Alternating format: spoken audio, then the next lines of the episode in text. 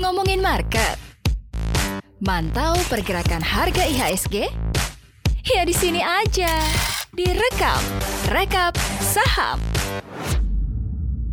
Hai Sobat Cuan, selamat hari Rabu yang menggebu dan tentunya harus penuh dengan banyak sekali keberuntungan ya. Karena kemarin kan kita rehat karena merayakan Hari Raya Idul Adha, tetapi kita berharap hari ini akan penuh dengan kejutan. Tapi kejutan yang paling pertama sih adalah karena PPKM diperpanjang, kemarin sudah diumumkan sampai tanggal 25 Juli 2021 dan kalau angkanya membaik nanti akan dibuka perlahan nih di tanggal 26 Juli 2021.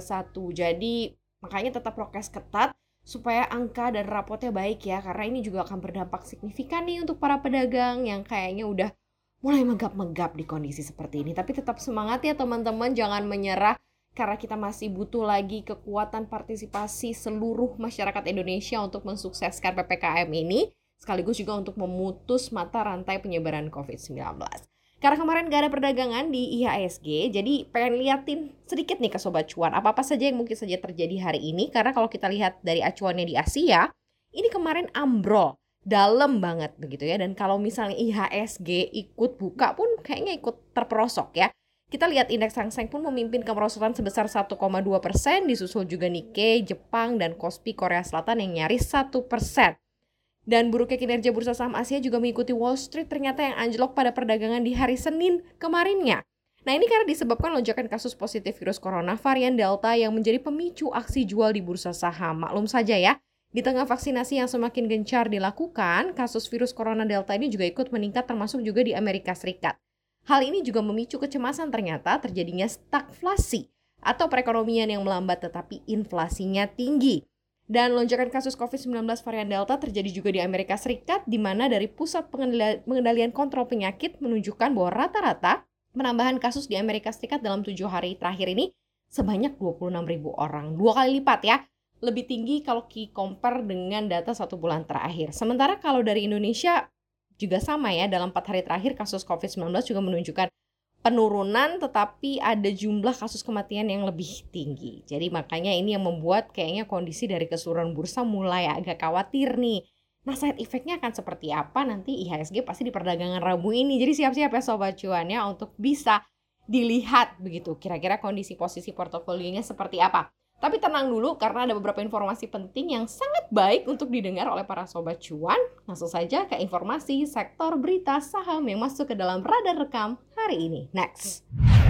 Informasinya datang dari lembaga pemeringkat internasional Moody's Investor Service memutuskan untuk memangkas peringkat utang dari perusahaan PT Properti PT Agung Podomoro Land yang menjadi CAA1 dengan outlook negatif CAA1 minus di mana peringkat dari CAA1 APLN ini mencerminkan ekspektasi bahwa likuiditas perseroan masih melemah dan di tahun 2021 juga 2022 perusahaan ini masih bergantung pada penjualan aset dan juga pendanaan eksternal untuk memenuhi kebutuhan uang tunai. Struktur modal APL juga tampaknya tidak berkelanjutan seperti yang ditunjukkan oleh leverage yang lebih tinggi. Selain itu, APLN diharapkan bisa menyelesaikan penjualan lahan industri dan juga penjualan sisa sahamnya di Central Park pada tahun 2021 ini tetapi Moody's mengharapkan ketidakpastian seputar penyelesaian tepat waktu kedua penjualan aset mengingat penerapan pembatasan kegiatan masyarakat ini ya atau PPKM darurat khususnya di kawasan Jawa Bali setelah lonjakan kasus virus corona.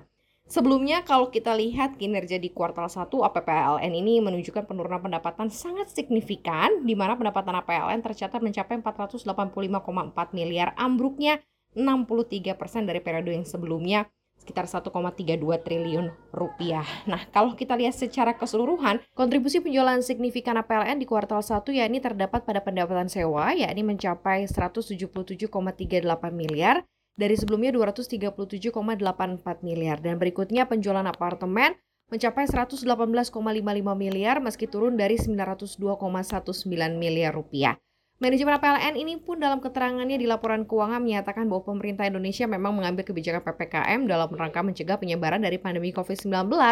Namun manajemen juga telah mempersiapkan sejumlah langkah mitigasi dan manajemen resiko yang diperlukan. Oke, jadi kira-kira akan seperti apa ya dampaknya? Mudah-mudahan ini akan berangsur-angsur membaik khususnya untuk keseluruhan sektor properti Tetapi kalau Sobat Cuan boleh pilih, sektor properti masuk nggak sih dalam portofolio? Disclaimer on ya, balikin lagi ke Sobat Cuan semua. Next! Selanjutnya, sejumlah perusahaan yang digawangi konglomerasi masuk ke bisnis data center di Indonesia seiring dengan potensi bisnis di sektor ini di tengah akselerasi ekonomi digital yang kian pesat. Ada beberapa nama nih kalau menurut catatan pemberitaan CNBC Indonesia, ada empat emiten ya. Ada Telkom Indonesia dari konglomerasi BUMN, ada DCI Indonesia plus PT Indoternet TBK EDGE, EDGE yang disokong perusahaan teknologi Toto Sugiri dan Grup Salim, dan juga ada grup Lipo lewat PT Multipolar Teknologi. Telkom pekan ini mengumumkan kerjasama juga dengan Etisalat Group, perusahaan telekomunikasi Uni Emirat Arab yang akan berinvestasi senilai 100 juta US dollar. Dan berdasarkan keterangan yang disampaikan oleh Kementerian Koordinator Bidang Perekonomian, investasi tersebut akan dilakukan di Nongsa Digital Park Batam, Kepulauan Riau. Nongsa Digital Park ini telah ditetapkan juga sebagai KEK e Kawasan Ekonomi Khusus melalui PP nomor 68 tahun 2021 dan saat ini kawasan tersebut memiliki 160 perusahaan dengan 1000 pekerja yang berasal dari perusahaan lokal maupun perusahaan asing.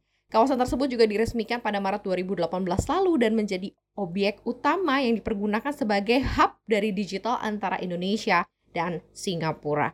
Sementara Etisalat Group ini merupakan perusahaan telekomunikasi yang berkantor di pusat di Abu Dhabi. Perusahaan ini juga beroperasi di 16 negara di Timur Tengah, Asia, dan juga Afrika.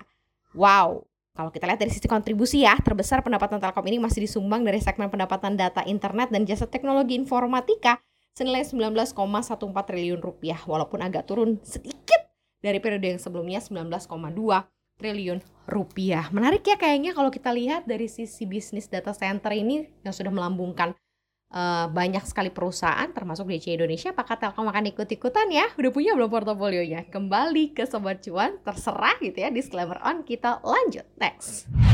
Satu lagi nih ada riset dari CNBC Indonesia terkait perusahaan institusi besar global diyakini akan lebih banyak berinvestasi pada aset digital di masa depan termasuk aset kripto.